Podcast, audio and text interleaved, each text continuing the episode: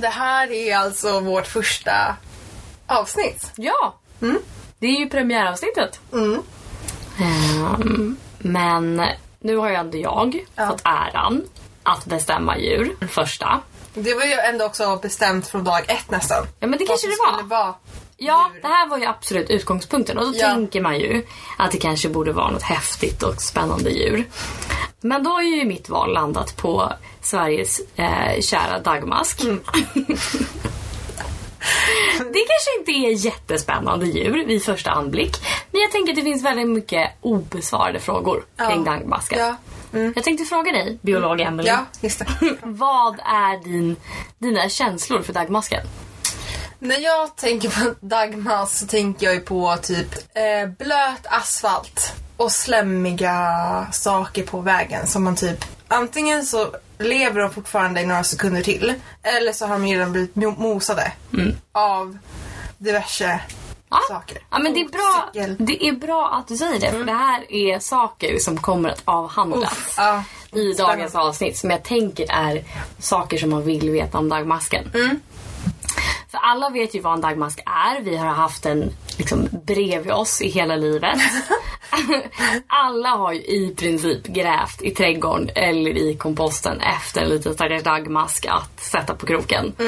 Eh, och jag har väldigt många frågor om dagmasken som Det jag har du. tänker att folk kanske inte vet att de har. Precis. Men som de vill ha svar på. Det känner jag eh, spontant utifrån att du liksom tog upp det här första gången.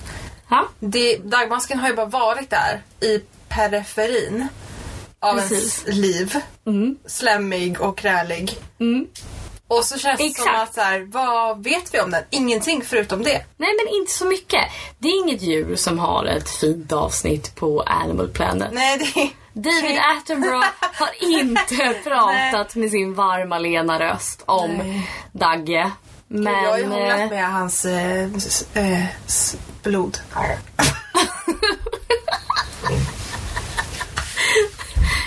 Men jag har hånglat med hans släkting. Va? Ja. Har du? Hur då? Och vem är det? Hur då? Jo, Nej, för jag förstår hur, men vem... Ett, vem är David Attenboroughs släkting? Det här kanske var, men det här var också en efter, alltså det sa han efter att vi hade hånglat så det var inte en raggnings... Men det var Det hade han, ju varit eh, en, en, en relevant raggningsreplik. Ja jag vet, det, man hade ju nappat. Och att den hade funkat på dig. Ja, ja, ja. Men eh, nej, det här kom efterhand. Men det var han eh, britten när vi var i Australien. Jack. Jaha! Ja, den, Var det? Ja. Sjukt. ja, en kin av David Attenborough. Vadå, typ ett barn? Till David? Ja, alltså någon slags, nej, så det är inte hans, han kanske hans barn. Barn? Det här var säkert på Det här är en sidetrack. Men Ja, jag förlåt. har Mm. också en, ehm, en eh, koppling till den svenska motsvarigheten för David Attenborough. Anders Lundin. Nej. Nej, man vet inte vad han heter och jag kommer inte heller ihåg vad han heter. Jag heter Henrik Ekman och är journalist med natur och vetenskap som mina huvudområden. Men hans son är Jakobs kompis. Mm, Och jag lovar dig att om du Jag lyssnar... vet inte vem han är men Nej, men om du lyssnar på vilken svensk dokumentärfilm eller serie Så känner om djur rösten. Ah, så vet man, så är det en specifik svensk röst. I mars fylls klipporna på den lilla ön Hornöja åter av häckande sjöfåglar. När alkor, skarvar och tretåiga måsar återkommer från vintern till havs. Nåväl. ja, Tillbaka till masken. masken. Mm. Man vet ju inte riktigt vad som är huvudet och vad som är fotändan. Nej, det kan ju bara avgöras, tänker jag, utifrån vilket håll den kan... Om man ser den in action krälandes. Ja, och till och med då vet man ens om Nej, den har om den så här backar. backar eller om den krälar framåt. Alltså man har, ju ingen aning. Kommer det avhandlas i det här avsnittet? Ja, jo men det skulle jag ändå säga. Ja, ja. Alltså inte själva frågan om den faktiskt kan backa, för det ska jag villigt erkänna att jag inte vet. Nej. Men det finns ju absolut en, en fotända och ett huvud. Okej. Mm. Men svaret på frågan om dagmasken har ett huvud eller fötter. Tar om. Fy fan vad obehagligt om den skulle ha fötter. Bara på ena sidan, inte som en tusenfoting. Bara för, två fötter i ena ändan. Men svaret på frågan är faktiskt att, att dagmasken har ett huvud. Och den har faktiskt en mun till och med.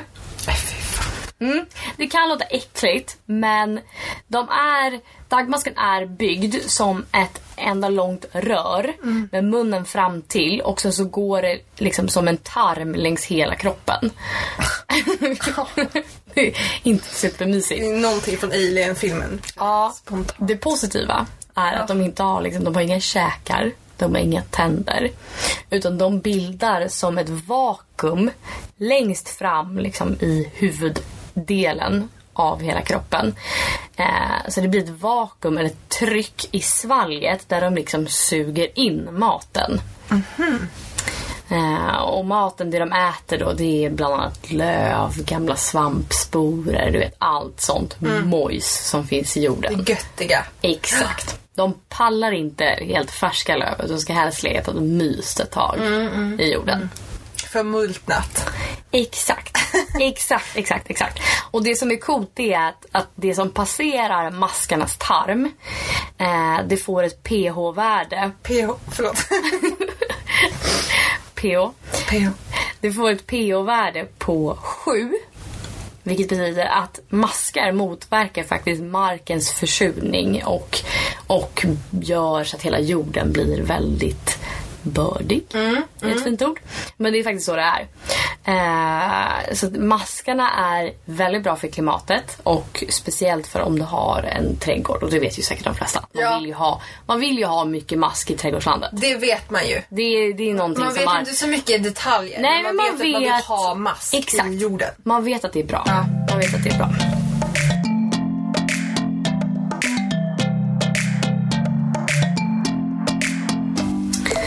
Men sen så finns det massa andra flera pluspoäng som dag, dagmasken eh, kan kamma hem. Och det är att de gör att hela jorden får en slags genomluftning och dränering. Eh, vilket är För att superbra. de bygger gångar då? Typ, De bygger gångar, de liksom välver runt hela jorden. Det blandas runt. Eh, och det, det är superbra. Ehm, men för att ändå slå ett slag för dagmasken som något slags intressant djur och inte bara prata om hur bördig marken blir. Eh, så tänker jag att vi måste gå över till lite mer fun facts om dagmasken. vadå? Hit me. Ja. Och då kan jag säga att det finns cirka 2000 landlevande dagmaskarter.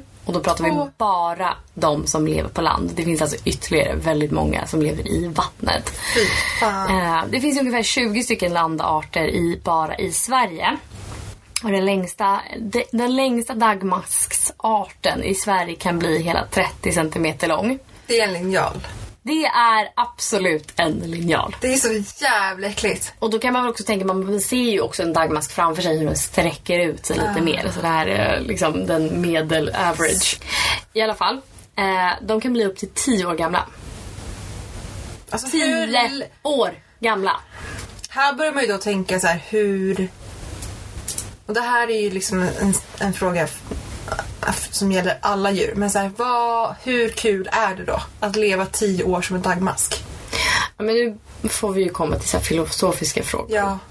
The circular life. Men, Men skitsamma, de flesta maskar i det vilda blir faktiskt två år. ja. Eller de liksom någon slags- typ en dag för att de, om de blir påkörda på en cykel. Typ. Ja, ja absolut. Ja, absolut. Mm, absolut. Ja.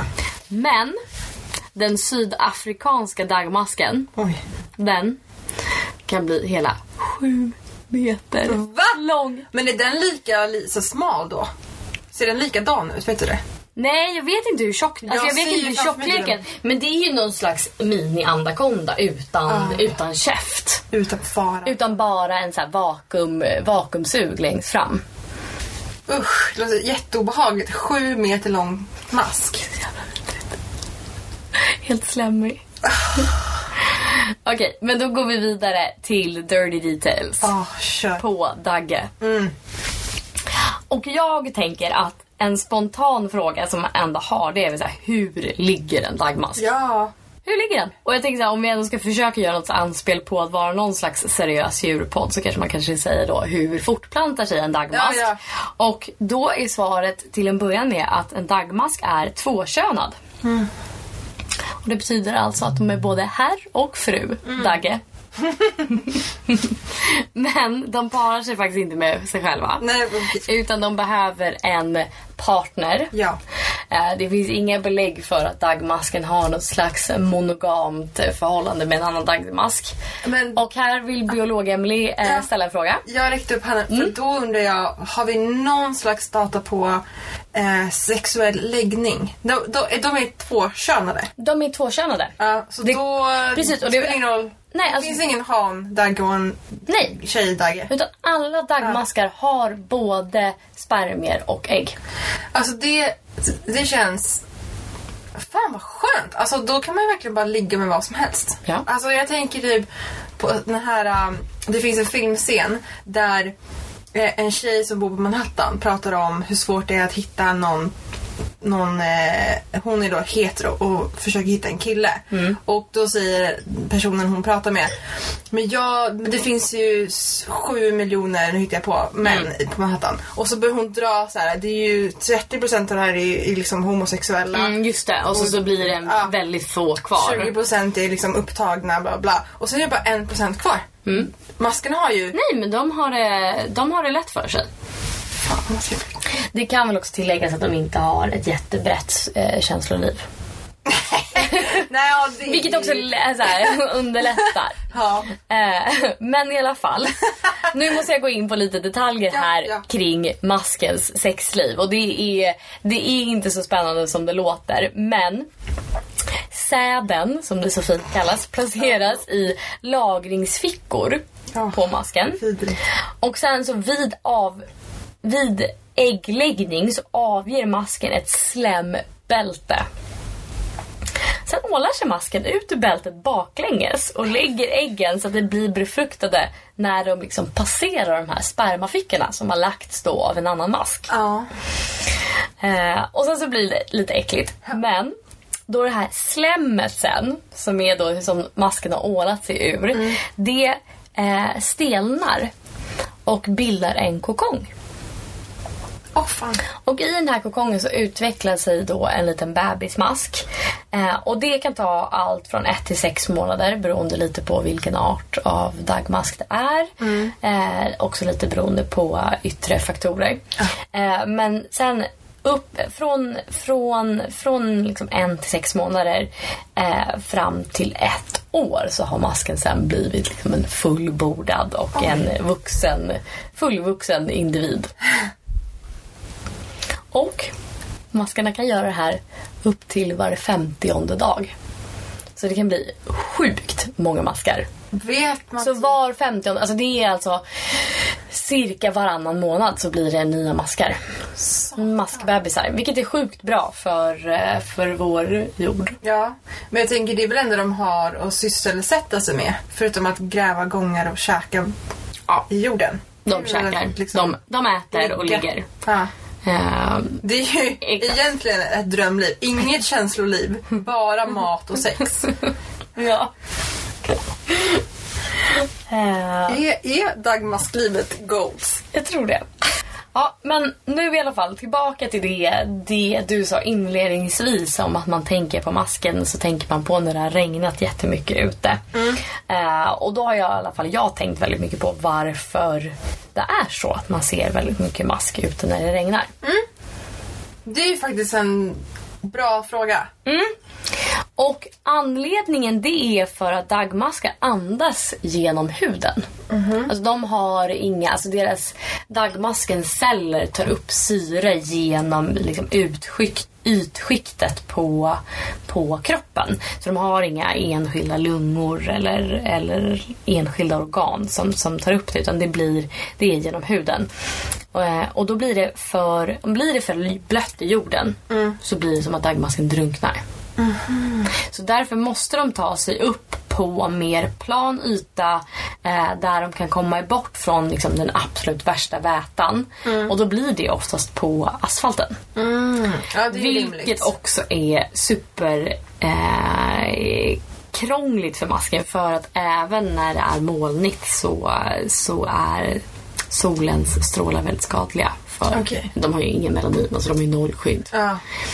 Så det, mm, det blir inte så bra. Ehm, Men så här kommer en, en etisk fråga till dig Emily. Oj, ja. Mm. När du ser en liten dagmask kravla förbi på asfalten, vad gör du då? Lyfter du upp den? Låter du den ligga? Eh, nej men alltså jag försöker absolut undvika att kliva på den. Mm. Eh, jag kanske inte skulle väja liksom med cykeln om jag ser en dagmask. Eh, sen kanske nu, jag, jag, jag tror inte jag skulle plocka bort den från vägen om jag Nej. såg den. Men jag kanske väljer att göra det efter det här avsnittet. Ja. Du Alltså jag, jag är ändå en sån person som absolut plockar bort dagmaskarna jo, det- från vägen. Det misstänkte jag. Men sen så kan jag villigt erkänna att jag absolut inte gör det med händerna. Utan jag vill gärna ha Mm. någon slags pinnredskap, ett litet löv. Jag tycker ju att de är lite, lite vidriga att ta i. Ja.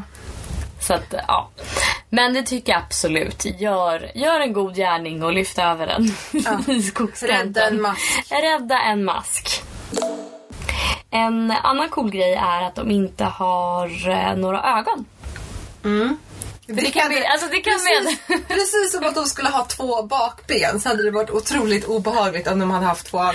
Två ögon. Fast jag tänker att som en snigel har ju faktiskt två väldigt diskreta ögon. Men det På sina ja. spröt där framme. Ja. Jo, det är sant. Hade de haft... Skitsamma. Ja. Maskarna kan ändå äh, göra skillnad på ljus och mörker. De kan det? Ja, det kan de. Ja. Eh, lite som samma sak som att de kan göra skillnad på vått och torrt och kallt och varmt så kan de, Mm, kan de göra skillnad på, på värme och eh, eller på ljus och mörker. Och det är väl framförallt för att de, de vet att i ljuset har de inte så mycket att göra.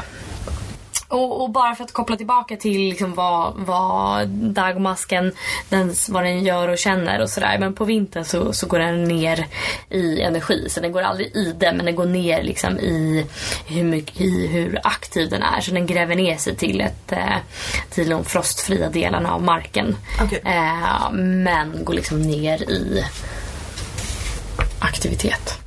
Så den gör inte lika mycket på vintern. Nej. Eh, men sen så kommer vi då till 10 000 kronors frågan Emily. Oj. Vilken är det? Jag kan hjälpa dig på Ja, ge mig en ledtråd. Känner dagmasken smärta Ja. när den sätts på kroken när man ska fiska? Vad är spontana, vad är spontana känslan? Alltså jag vill, jag har ju gjort det någon gång när jag var liten. Och min så här, direkta tanke är att det känns som att när, de, när det sker, när man trär masken på kroken. Vidrig upplevelse. ja, men de sprattlar mycket då. Om jag vill minnas rätt. Mm. Vilket gör att jag känner att så här, ja, kanske att de känner smärta. Ja, och jag tänker också att så här, anledningen till att man använder dem som bete är väl just för att när, även när man hissar ner dem i vattnet så, så fortsätter de ju sprattla. Så att fisken blir Mm. Ja, intresserad. hon flaxar. Ja, exakt. Flaxar, men ja. Nåväl. Inte helt lätt att hitta ett svar och jag tror Nej. inte att forskare är, är helt eniga på den här punkten. Och då kan man väl börja med att säga så här, vad är smärta? Och då kan det ibland, Mm. ibland definieras det som en obehaglig sensorisk och emotionell upplevelse av verklig eller hotande vävnadsskada. Ja, ja. Och det blev ju väldigt teoretiskt. Eh, men, men det man menar då är alltså att smärta är en medveten upplevelse som innebär lidande och inte alltid en, en automatisk reaktion. Och forskningen är inte helt tydlig och det är inte, man har inte gjort så jättemycket forskning på speciellt maskar, vilket är lite tråkigt tycker jag. Eh, och speciellt så finns det, men maskar hör ju till ryggradslösa djur och där finns det lite olika forskning. Men, men, men några faktorer som forskare går på det och jag fastnade vid eh, specifikt en då, som säger det är en, en beteendemässig reaktion på skadlig stimuli. Oj. Ja, Men om man tänker då en beteendemässig reaktion på skadlig stimuli. Om man återkopplar det till det du precis sa. Att, att när man faktiskt trär kroken igenom masken så reagerar den ju faktiskt. Ja. Den sprattlar ju. Det gör den ju.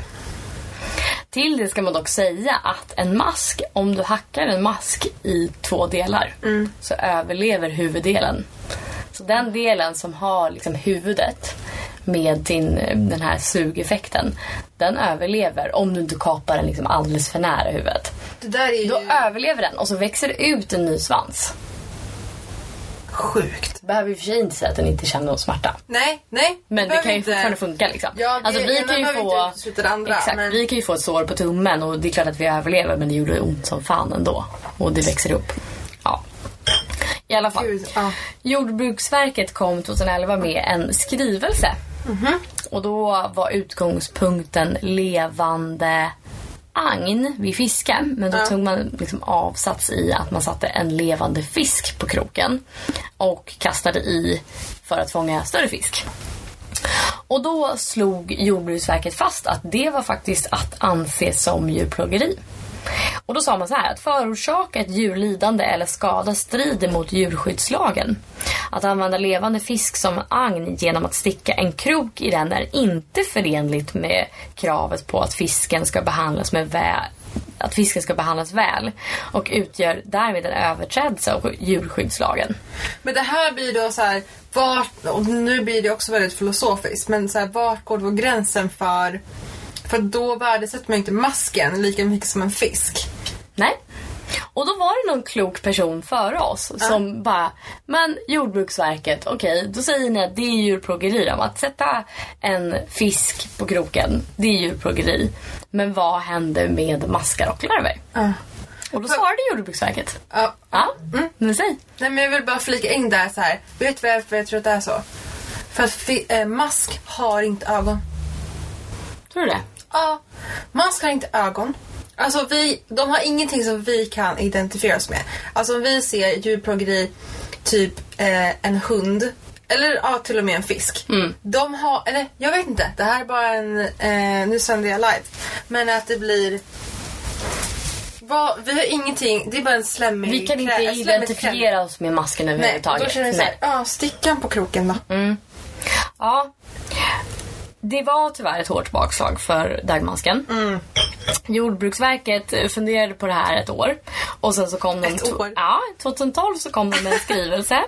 och då kom de fram till att det inte är olagligt att sätta mask eller larver på kroken levande. Var det det med fisk? Ja. Ja. Med fisken så var det olagligt. Och då För grund- har ögon. Nej, alltså jo, det är absolut. Men Jordbruksverket sa att det de grundade det på var för att eh, maskar och larver saknar ett centralt nervsystem. Okej. Enligt forsk- rådande forskningsläge. Mm, Och då kan man ju säga, man vet inte riktigt exakt hur mycket forskning som har gjorts och Nej. sådär. Men det är klart att det finns att, att fisken förmodligen och med största sannolikhet är en mer utvecklad och avancerad. Ja. Verkligen. Med det sagt Mm. så behöver ju att det är, inte är olagligt behöver Nej. inte betyda att det faktiskt inte känner någon smärta. Sant. Så kan det ju vara. Så att jag har i alla fall lite ont i magen för alla gånger jag har satt en stackars mask på kroken Mm. i efterhand. Kommer du Men alla får någonsin- göra som de vill. Kommer du någonsin kunna sätta en mask på en krok igen? Nej, Nej. det kommer jag aldrig kunna göra. Men för att ehm, för att avsluta det här eh, avsnittet om dagmasken och framförallt den svenska dagmasken så kommer här de fem vanligaste googlingsökningarna om dagmasken. Inte jättevetenskapliga svar har jag Nej. på de här frågorna. De är inte jättevetenskapligt ställda heller. Nej. Den första är då, kan man äta dagmaskar? Det kan kan man ju. Jag kan säga så här, de är inte giftiga. Nej. Så att ja, det kan du.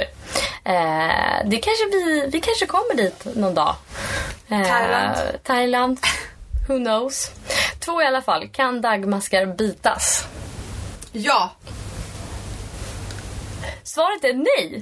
För de har ingen mun eller käke. De kan eh, suga lite. De kan ge dig ett sugmärke. De kan ge dig ett sugmärke på sin höjd. Jag tror inte riktigt att de kan det. Men, men teoretiskt sett så Det där ja. vakuumet känns Det där som vakuumet. något slags som dammsugar sugmärke. Den tredje vanligaste frågan är hur snabb en dagmaskar är. Inte alls.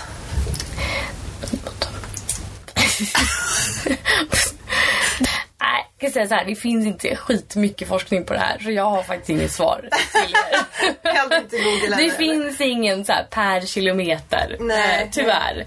Men vi alla vet väl ish hur snabbt de snokar sig fram i jorden. Har dagmaskar mun är den fjärde frågan och det är ju samma fråga som nummer två och det är ju svaret är nej. De, har, de har en mun. Nå- Någon slags öppning. Exakt. Ja. Där de bildar ett vakuum. Ja. Femte. Frågan är, vad gör dagmasken? ja. Ligger och äter. Ligger och äter, det är typ det de gör. Jävla drömliv. Jävla drömmar. Inget jobb. Inget jobb. känsloliv. Ja, fast jag kan ju tycka att så här, hålla marken eh, bördig och inte sur är jävla bra jobb. Ja men alltså, alltså de, då gör ju de en jätteinsats för svenska jordbruket. Genom att käka Och ligga. drömliv. Otroligt. Mm. Tack Dagmasken för insatsen. Ja men tack dagmasken och eh, sätt inte en mask på kroken skulle jag säga. Nej, det är, ditt, är det din, ditt slutord? Ja, men jag tror ändå det. Jag känner ändå för dagmasken. Och eh, sätt inte mask på kroken och hjälp den av en asfaltsväg. Ja. Ja, Bra. det, det var allt för dagmaskens avsnitt. Jag har lärt mig. Ja, vad bra. Jag Ja. med. Att jag är, dels att jag är lite avundsjuk på den och också... Vi behöver mer forskning. Mer forskning behövs. Ja. Mm. Bra! Fan, skål för vårt första avsnitt! Skål! Det blir vad det blir. Ja.